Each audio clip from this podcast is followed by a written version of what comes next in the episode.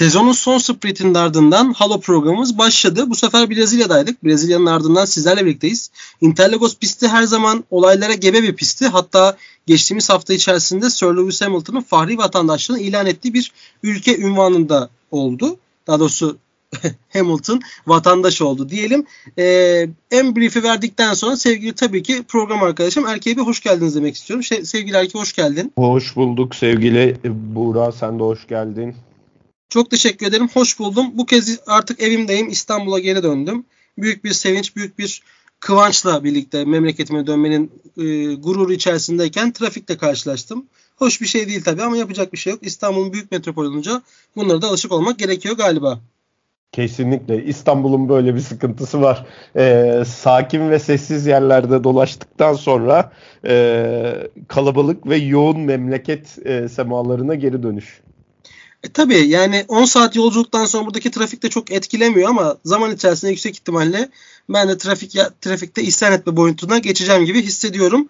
Dedikten sonra geçelim mi dönelim mi Brezilya'ya bir gidelim mi Güney Amerika'ya? Gidelim gidelim. Gidelim. Sprint'te nasıl geçti sence? Sprint'te e, beğendin mi sprint yarışını? Sezonun son sprintinden sprintinden keyif bu aldın sefer, mı? Bu sefer keyif aldım çünkü e, sürpriz yaşatması burada bence en önemli detaydı. O sürprizi yaşamak, o sürprizin e, bizlere getirmiş olduğu heyecanı görmek bence güzeldi. Bilmiyorum sen nasıl yaklaşacaksın mevzuya ama ben sprintin bize yaşattığı şeyden memnunum ve üstüne çıkan o e, mevcut performanslarda Kevin Magnussen'in ortaya koymuş olduğu sonrasında hafta sonuna e, yetişmemiş olan performansı da bence iyi ve güzeldi. Tabii çok büyük bir sürpriz oldu aslında ama senden sürprizin detaylarına girmeni isteyeceğim. Dinleyen bazı dinleyicilerimiz yarışa hakim olmamıştır. Tabii ki sosyal medyaya ulaşmışlardır ama yine de o detaya bir girelim istiyorum ben. Ee, bir hava muhalefeti sebebiyle ıslak zemin lastikleri, kuru zemin lastikleri arasındaki savaşta galip çıkan Haas ve Kevin Magnussen oldu ve sprintte pole pozisyonu elde etti. Tüm Formula 1 taraftarlarının gözleri büyümüştür. Hoşuna gitmiştir bu durum.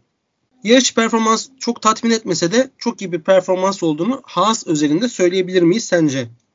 Ya yarış özelinde tatmin etmedi ama zaten Haas'ın mevcut e, durum itibariyle stratejisi belli başlı yarışlardan puan almak olduğu için ya da en iyi noktada sıralamaya başlayıp ondan sonraki süreçte puan almak olduğu için onlar stratejilerinin tutup tutmadığına yönelik bir hani e, yol haritası içinde olacaktı. E, mevcut şartlar itibariyle de aslında onlar istediklerini e, cumartesi günkü sprint yarışından aldı. Evet sonrası belki biraz hayal kırıklığı her açıdan hayal kırıklığı ama yarışın e, hafta sonunun başlangıcı itibariyle onlar alması gerekeni aldı.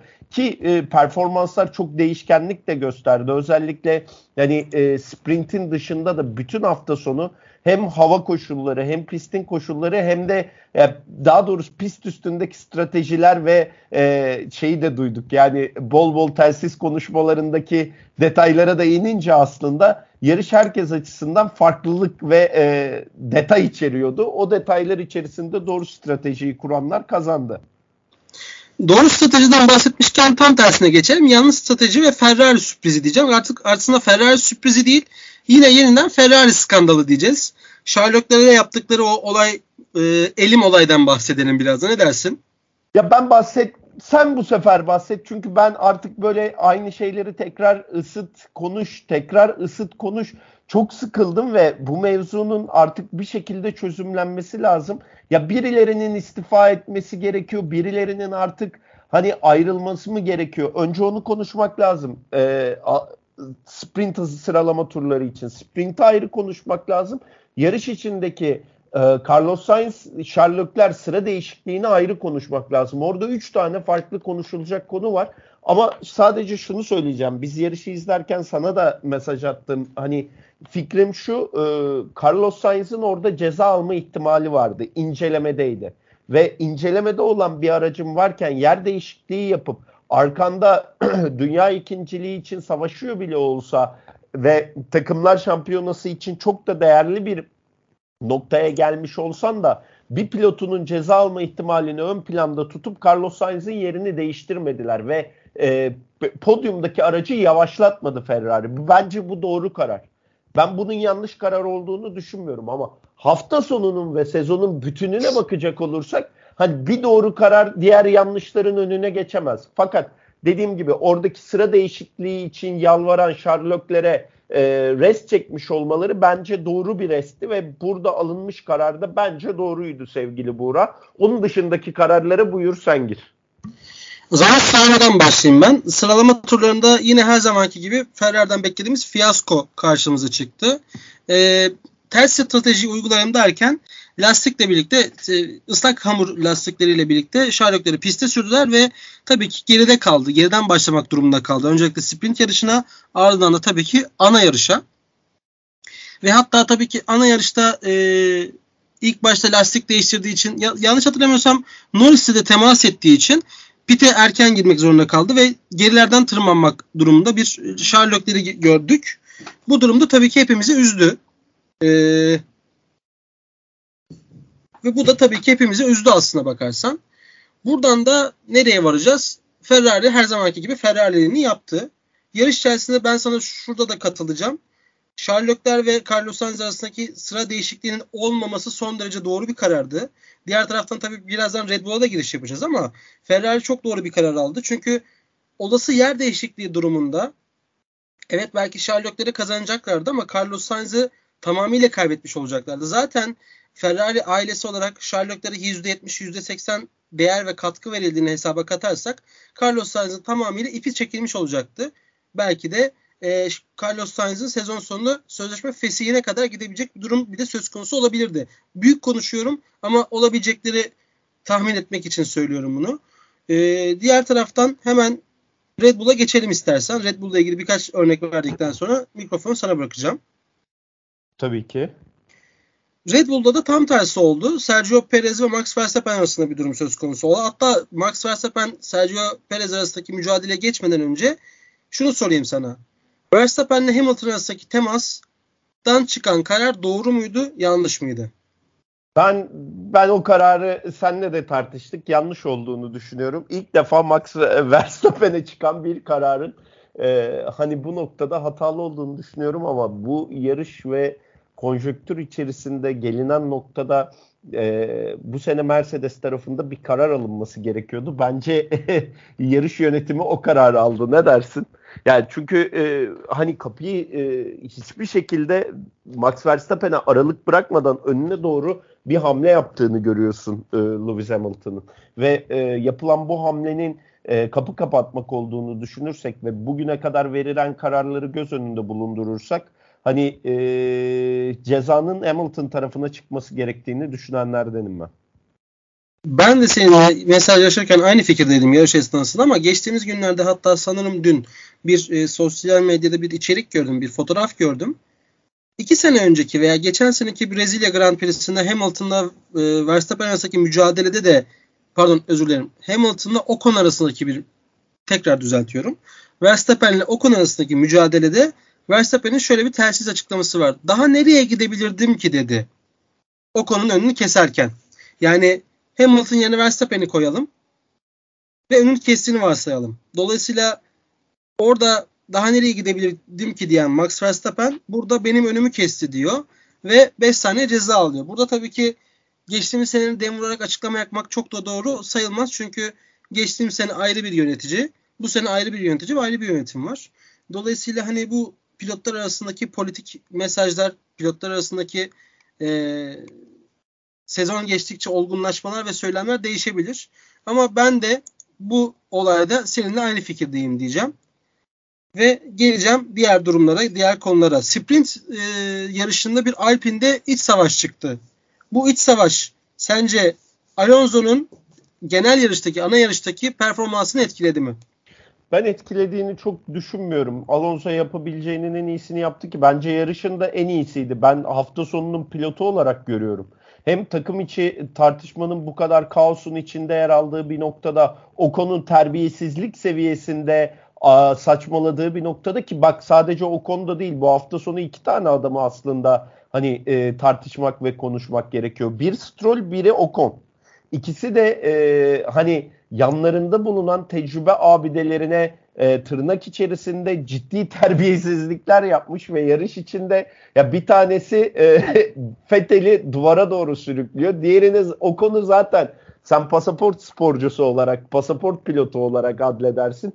O konu zaten yaptıkları ayrı bir konu. Yani bugüne kadar gelinirken e, Fernando Alonso Alfin ya da Fernando Alonso Renault ilişkisi başladığından beri bir ulvi kişi, bir yol gösterici olarak Alonso orada ve Alonso senden bu kadar iyi performans gösterirken geçen sene senin podyuma da çıkmanı sağlamışken bir desturlu davran ya bir saygın olsun önce. önce onu söyleyeyim. İki mevcut performans itibariyle yarışın sonlarındaki o aracı hükmedişi, yola hükmedişi, e, gü- güvenlik aracından sonraki performansı yani sadece sprintle e, anlatılabilecek bir şey değil. Acayip konsantre olmuş ve gelecek yıla da kafaca kendini hazırlayan ve şu an kötü araçla da en iyisini yaparım ben motivasyonuyla e, son yarışa kadar performansını bir tık bir tık daha böyle her seferinde bir tık daha yukarı çıkartan bir Alonso var. Ha demeç tartışmaları ve e, takım içindeki noktaya gelince de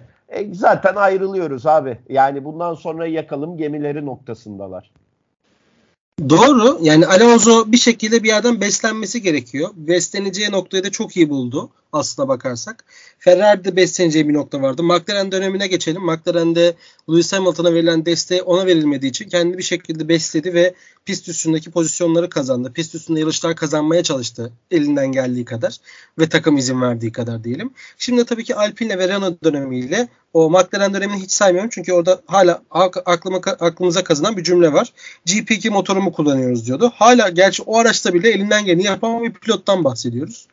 Şimdi Alpine'le olabildiği en iyi seviyede ve şu anda da pilotlar klasmanında o konu geçmek üzere. Sadece aralarında 5 puanlık bir fark var. Ki zaten Alpine takımı McLaren'in iki pilotuyla yarış dışı kalmasıyla dördüncü de sanki bir nebze olsun garantiledi gibi.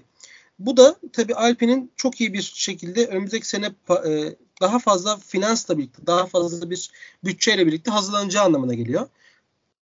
Ama dediğin gibi demeç açıklamaları Alonso lehine baktığımız zaman üzücü. Yani zaten ben gideceğim demek aslında çok da doğru değil ama bu Alonso'ya yakışan bir açıklama. Yani bunu farz misal söylüyorum. Diğer pilotlar söylese, Bottas söylese yakıştıramayız. Çünkü Bottas'ın karakteri öyle bir karakter değil. Ama Alonso'dan biz her şeyi bekleyebiliriz. Zaten ben gidiyorum. Hani ben elimden geleni yapıyorum. Ben zaten Alonso'yum. Hani dediği için bu adam ben yani hem pist üstünde hem de pist dışında her şeyi yapmaya muktedir diye görüyorum. Neden? Çünkü bir Alonso bu çifte dünya şampiyonundan bahsediyoruz. Hani tamam Verstappen'in açıklamaları da bir nebze buna benzer ama Alonso da yani 41 yaşında artık elinden geleni yapıyor herif. Herif yapsın. Diğer taraftan e, pasaport pilotu olan Ocon'un yanına bir diğer pasaport pilotu adayı gelecek.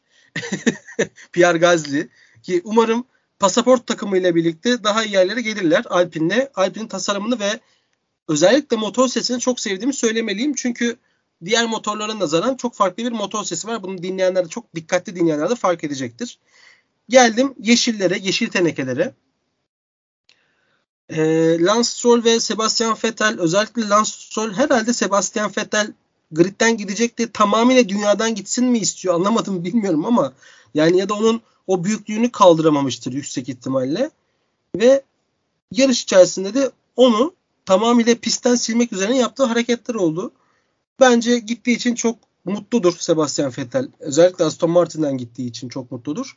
Umarım önümüzdeki yıl Alonso'ya sadece bir hareket dahi yapmaz ki Alonso onu pistten silmez diyerek bu defteri de bu konuda kapatmak istiyorum. Alonso'ya karşı böyle şeyler yaptığı zaman başına gelecekleri bence şimdiden iyi tahkim etmesi gerekiyor. Yani şu an şöyle bir düşündüm de neyse.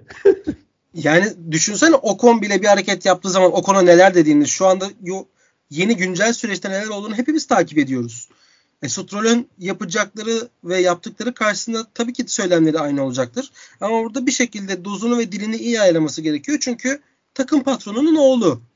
Yine de takım patronunun oğlu demez ve söylemlerine devam ederse de çok değişik bir Aston Martin takımı bizi bekliyor olacak. Önümüzdeki senenin en e, hareketli takımlarından bir tanesi bizi bekliyor diyebilirim şimdiden.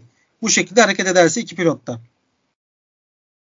Mercedes'in bu yükselişi hakkında ne düşünüyorsun? Mercedes'ten böyle bir şey bekliyor muydun? Biliyorsun ben sezon başında Hamilton gidecek, gitti gidiyor.com minvalinde açıklar, açıklamalar yapıyordum ama Brezilya'ya öyle bir hazırlanmış ki iki, iki pilotta özellikle tabii Hamilton'ın fahri vatandaşlık ünvanını aldı, aldıktan sonraki performansı da dikkate değerdi ve Russell da kariyerin ilk galibiyetini aldı.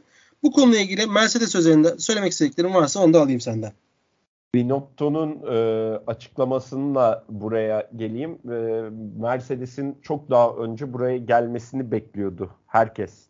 Hepimiz Mercedes'in daha mücadeleci olmasını aslında biz 3 yarış öncesinden beri bekliyoruz. Fakat o tam anlamıyla yerini bulmadı. E, ya George Russell'ın potansiyeli bu olmasaydı zaten bu koltuğa verilmezdi. E, geçen sene zaten cumartesi pilotuydu. Bu sezon aracın kendini daha hazır edememesi, e, Mercedes'in kendisinin bulmasını çok uzun süre beklememiz aslında George Russell'ın da bu başarısını biraz geciktirdi.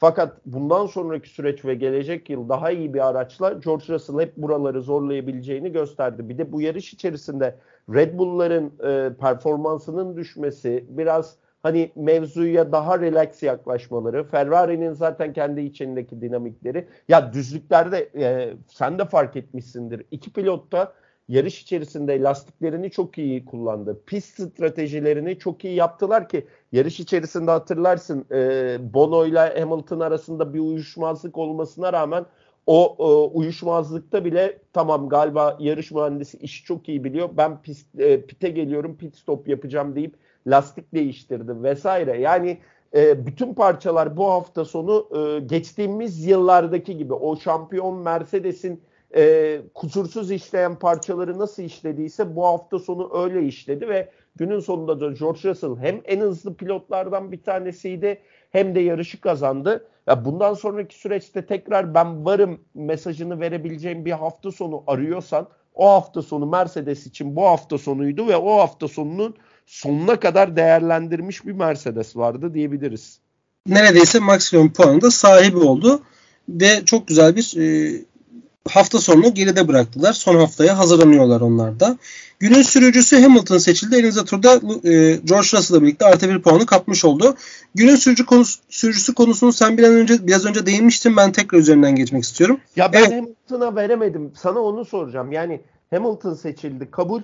Ya ben mesela Alonso'nun yarış içinde yaptıklarını düşününce bende Alonso daha ön plana çıktı. Hem ya bu bilmiyorum ben Alonso'da kaldım ama insanlar Hamilton dedi. Hamilton'da kalmalarının sebebi neydi acaba? Bu arada şeyi de unutmamak lazım. Mercedes hani iki pilot arasında e, yarışmaya izin veriş biçimi de çok hoştu. Tabii ki, tabii ki. Yani şimdi oraya hemen birazdan geleceğim. Öncelikle bu günün sürücüsü oylamasına ben de geçeyim. Ben de seninle aynı fikirdeyim ve bence günün sürücüsünün Alonso olması ya da Alonso olamıyorsa Norris Russell olaması olması gerektiğini düşünenlerdenim.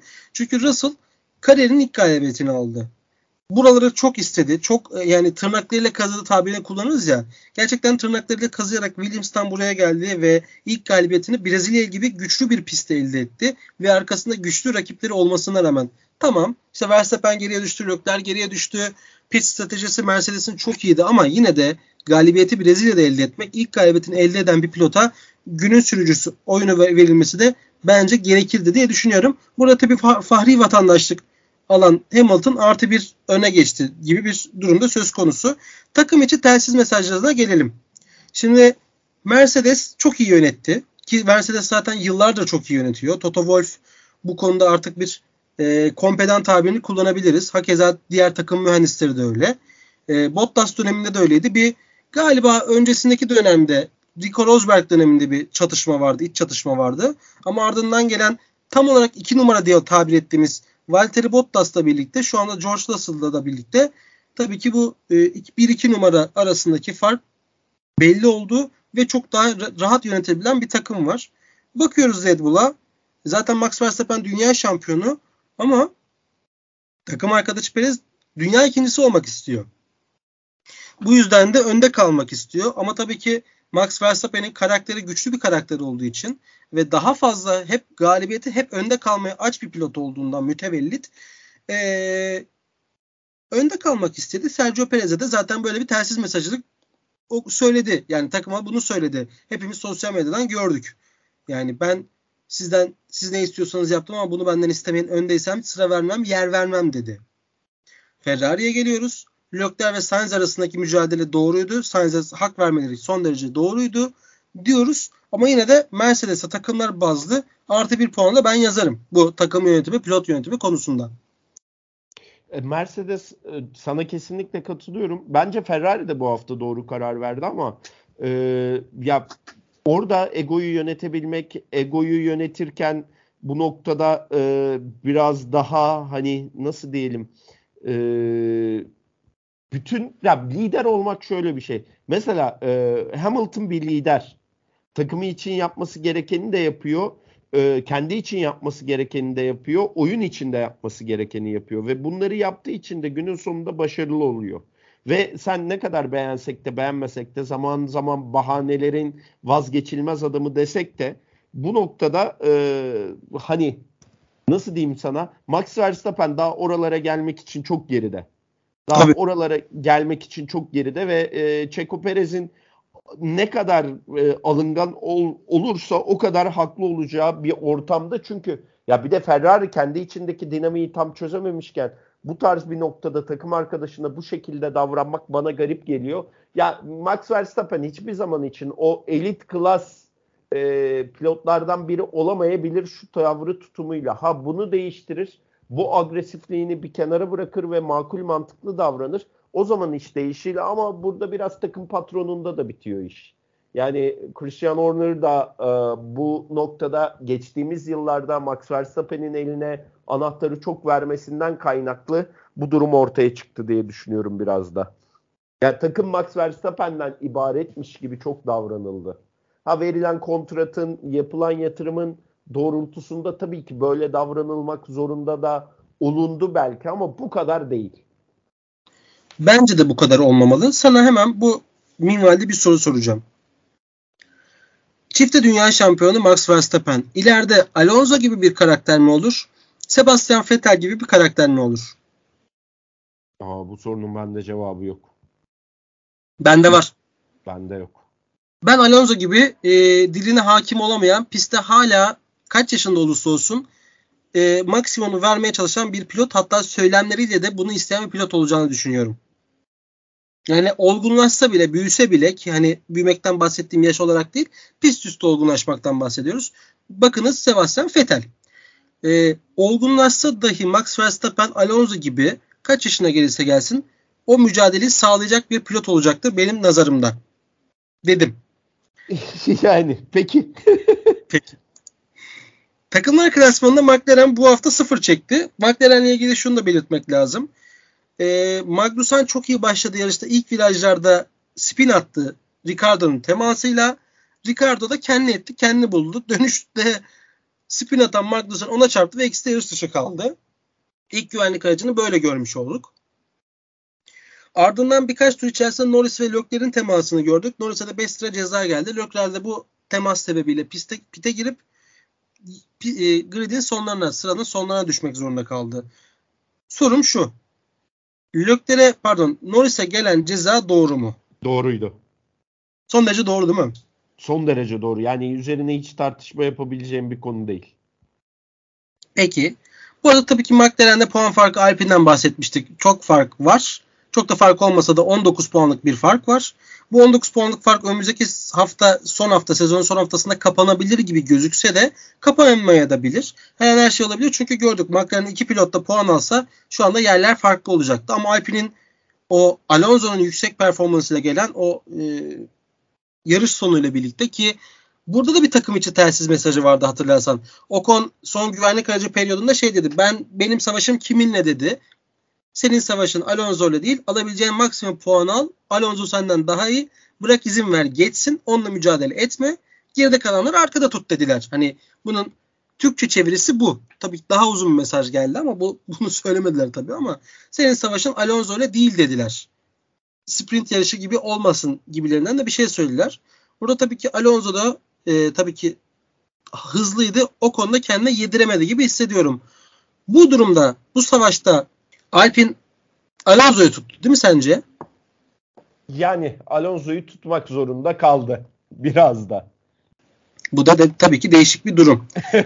yani mevcut durum biraz onu tutması gerektiğini de gösterdi. Pekala. Şundan bahsedeceğim. Yarış içerisinde çok da fazla bir detay yok aslında. Çok bir farklılık şundan bahsedebiliriz. Haas takımı Mick Schumacher ile sözleşmeyi yenilemeyeceğini açıklamış. İlk aday şu anda Nico Hülkenberg olarak gözüküyor. Ne dersin Nico gelir mi yoksa başka bir aday söz konusu olur mu? Görünüş yani dün çıkan haberler de o yöndeydi. Hülkenberg sanki o koltuğun sahibi olacak gibi gözüküyor. Zaten e, başka da bir alternatif kalmadı gibi duruyor şu an. Peki Nico ve e, Kevin'li ikili Haas takımı sence neler yapar? Geçtiğimiz yılki gibi yani bu geride bırakacağımız bu yılki gibi bir başlangıç yapabilirler. Burada mevcut performans tamamen mekanikte bitecek. Yani ne yaparlar sorusunun cevabı pilotlarda değil. Tamamen iş mühendislik ve Ferrari'den alacakları motorun performansına göre değişecek. Umarım daha az bu seneki gibi üst sıralarda yer almaya çalışır ve üst sıralarda mümkün olduğu kadar puan toplar diye düşünüyorum. Ya potansiyelinin olduğunu gösterdi ama potansiyeli sürekliliğe dökmek her zaman kolay değil. İşte burada tabii ki hem Ferrari'den alacak parça hem de kendi aralarındaki o e, yedek parçalar birleşe, yedek bileşenlerle birlikte çok iyi performans sergilemesi gerektiğini görüyoruz. Şunu sorayım. Red Bull önümüzdeki seneye hazır gelir mi? İçerideki dinamikleri nasıl yöneteceklerine göre değişir. Araç bazında bahsediyorum. Pilot bazında değil. Araç hazır gelir. Araç hazır gelir. Ferrari geçen nokta... sene de geçen sene de bu sorgulamayı yaparken günün sonunda e, Red Bull bizi terse yatırdı. Peki. Ferrari'de olası yönetim değişikliği olmaz ise Binotto'nun tabii ki istifa veya kovulacağı söyleniyor ama olası pilot ve yönetim değişikliği olmaz ise sence böyle devam ederler mi? Ferrari e, dünya ikinciliği veya dünya şampiyonluğuna oynar mı? Daha iyi bir performans sergileyebilir mi? Ferrari Bu seneden aldıkları ders gereken Ferrari her sene bir ders alacak diye bekliyoruz. Hiçbir ders almıyor. Ee, Ferrari'nin neyi değiştirmesi gerektiğini Ferrari kendi içinde de bilmediği için günün sonunda Ferrari'nin hayal kırıklıklarıyla yola devam ediyoruz. Ferrari 2022 sezonunda da sınıfta kaldı dedik. Peki Mercedes yani, yani bir şey değişmez. Mercedes bence ritmini bulur. Mercedes geçen sene söylediği gibi bu sene herkesi izlediler. Gelecek yıl herkese fark atabilecek noktaya gelebilirler. Pekala. Alpin ekip Fransız pilotuyla podyum görürlerse şaşırırız. Yani ilk onda 8-9'u oynarlar bence. Oradaki itici güç Fernando Alonso'ydu çünkü. Yani bu sezonki gibi dünya şampiyonasının dördüncü bitirmeleri sürpriz olur diyorsun. Öyle mi anlıyorum? Ben ben ben o noktadayım. Ben de seninle aynı fikirdeyim. Ya Gazli'nin ele düşen performansında hoş aracın da performansı soru işareti ama ya Red Bull o işin o tarafında Alfa Tauri tarafında aracın gelişimini de çok e, belli bir noktadan sonra önemsemedi. E, kontratı aldıktan sonra da Pierre Gasly de olaya çok fokuslanamadı gibi. Ya Pierre Gasly bir de iki kontrat imzaladı bu sene onu da unutmamak lazım. Önce kontratını uzattı sonra gitti Alfine'le anlaştı. O da bu hep, hepimizin bildiği futboldan kalan bir iş gibi gözüküyor şu anda. Gibi. Peki gelelim McLaren'e. Sence McLaren neler yapacaktır önümüzdeki sezon bu sene aldığı dersle birlikte? Ve ders Haas, almış mıdır? Haas'la ilgili kurduğumuz cümlelerin bir benzerini McLaren için söyleyebiliriz. Hani senin dedin ya Mercedes'ten gelecek parçalar. Günün sonunda McLaren'in birleşenleri. E, Lando Norris'in biraz daha artık çocukluktan çıkıp biraz daha gerçekten bu işin farkına varması ve yeni gelecek pilotla e, kurulacak bağ önemli de e, McLaren'de çok bir şeyin değişeceğini düşünmüyorum. McLaren geçmişini aramaya devam eder ama McLaren şu anki durumundan da bence memnun ki e, geçmiş aramanın da çok peşinde değilmiş gibi. Peki şöyle bir şey söyleyeyim. Tabii McLaren geçmişi ararken yeni pilotlarla yeni gelecek vadeden pilotlar hareket ediyor.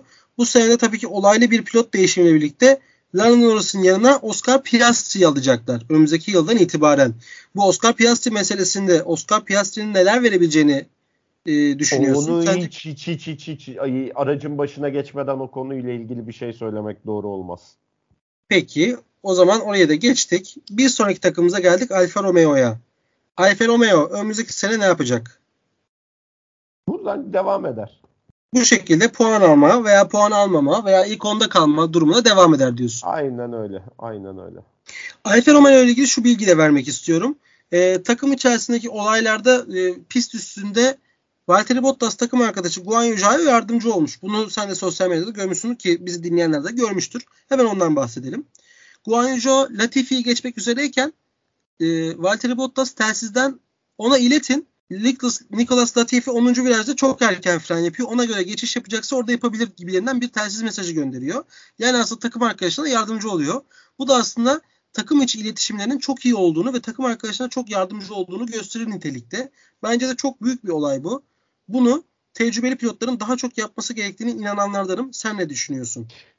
E, iş mücadeleye döküldüğünde bir daha konuşalım bunu. Puan puana ciddi bir rekabetin içinde olduklarında aynı şeyi yapacaklar mı? Gel bunu o zaman tartışalım. Şimdi çok güzel gözüküyor. Bu romantizmin içinde kaybolup gitmek çok keyifli de e, bunu bir de gel gelelim e, hani e, mücadele içerisinde, rekabet içerisinde olduklarında yapabilecekler mi?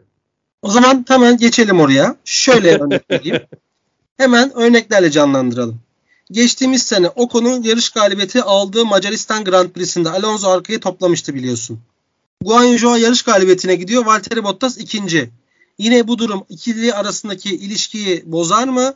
Çünkü hani Valtteri Bottas'ın karakteri bölümün başında da bahsettiğimiz üzere Alonso gibi değil. Çok da alımlı bir karaktere sahip olduğunu düşünüyorum Alonso'ya nispeten. Sence yine ilişkileri zedelenir mi? Zannetmiyorum ama yani Bottas da sükunetli bir adam olduğu için e, daha makul davranabilir ama gene de bir açık kapı bırakmak lazım. Bir mücadeleyi görelim. Pekala. Alfa'yı geçtik. Aston Martin yeşil teneke diye tabir ettiğimiz o arabaya geldik.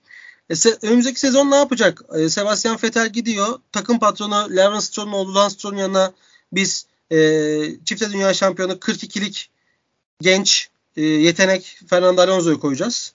Nasıl bir sezon olacak? Araçla gene araçta bitecek. Yani araç iyiyse eğleniriz. Araç kötüyse bilmiyorum. Yani geçen se ya bu sene başlangıç berbat. Ee, Sebastian Vettel'in yarış içindeki düşüşü de çok acayipti bu arada. Yani tabii ki muhtemelen güvenlik aracının girmesi orada e, bütün ritmi bozan şey oldu Sebastian Vettel için. Ee, gelecek yılla ilgili şimdi konuşmanın bence yani araçları görmeden, yeni sezonu görmeden yeni sezon özelinde bir şey söylemek çok doğru gelmiyor bana ama yani e, eğer Stroll bu şekilde davranmaya ve bu şekilde hareket etmeye devam ederse valla takım patronu falan dinlemez. Ee, Fernando Alonso ağzının payını verir. Alonso'dan daha agresif bir sezon bekliyorum. Bu sezonu oranla daha da agresif bir sezon bekliyorum. Peki biz bölümü şu anda kaydederken bir son dakika haberi önüme düştü. Bunu da paylaşmak istiyorum. Ee, İtalyan basının yayınladığı bilgilere göre Ocak ayından itibaren, Ocak 2023'ten itibaren Ferrari'nin başında Matteo Binotto yerine Alfa Romeo'nun takım patronu Frederic Vasseur olacağı söyleniyor İtalyan basına göre. Bu tüm dengeleri değiştirecek bir haber mi sence? Bence netleşsin öyle konuşalım. Yani e, varsayımlar üzerine her gittiğimizde elimizde kalacak bir durum. Ha Alfa Romeo bu sezon iyi bir yönetim sergiledi mi ona bakmak lazım. Hani bu noktada Alfa Romeo'daki performans yeterli görünüyorsa e, Ferrari'ye geçişi yapılabilir ama Ferrari'den e, bu tarz bir kararı alırken genelde çözümleri içeriden üretmeyi sever. Dışarıdan bir çözüm üretilecekse gerçekten bu isim midir doğru kişi ona bir pist üstündeki performansa dayalı e, yorum yapmak gerekir. Bence yetersiz kalabilir. Yalnız ben biliyorsun büyük konuşmayı ve böyle konuşmaları severim. Sen şu anda önümüzdeki seneye bakalım gibi böyle bir e, ufak tefek virajlı cevaplar verince bir içime sinmedi ama neyse dediğin gibi önümüzdeki seneye bakalım diyelim. ya, geri, yani geride bıraktığımız sezon seni e, tatmin etti mi? Bazen evet bazen hayır. Ya ben bu kadar çabuk Verstappen'in şampiyonluğunu ilan edeceğini tahmin etmiyordum açıkçası. Ve bu tabii ki biraz canımı sıktı. Hakeza Red Bull'un şampiyonluğunu alması da biraz canımı sıktı. Ama diğer taraftan sezon başında ortalarına kadar Ferrari Red Bull rekabeti, Leclerc Verstappen rekabeti çok iyiydi. Arada Hamilton araya katılması iyiydi. Alpine'in arada takım içerisinde savaşını savaş tabirini kullanmamak da doğru olmaz ama Alpine'in işte Alonso Ocon ikilisini görmek, Fethel'i yukarılarda görmek, hiç görmediğimiz Haas'ı yukarıda görmek, arada Alfa Romeo'yu görmek. Bunlar bence çok hoş e, olaylardı sezon bazlı bakarsak. Ve tabii herkesin araca alıştığını düşünürsek yeni bir araçtı çünkü herkes pistteydi. Güzel bir sezonu ortalama üstü bir sezonu geride bıraktık diyebiliriz benim nazarımda. Ama dediğim gibi değerlendirmek için çok erken. Önümüzdeki hafta sezonu bitirelim. Sonra sezon sonu değerlendirmesini dediğim gibi seninle yaparız. Eklemek istediğim bir şey var mı Brezilya özelinde? Yok. Güzel bir yarış oldu. Biz de üzerine konuştuk. Geçti ve bitti. Sezon bitti. Yani bundan sonra zaten yaptığımız bayağıdır yaptığımız programlar hani yeni sezon hazırlığı kıvamında geçiyor aslında. Aynen öyle. Yeni sezonda zaten öncelikle Abu Dhabi'de ardından da yeni sezonda sizlerle görüşmek dileyelim. Bizi izlediğiniz için çok çok teşekkür ederiz. Mutlu kalın, halola kalın, sağlıklı kalın. Görüşmek üzere, hoşça kalın.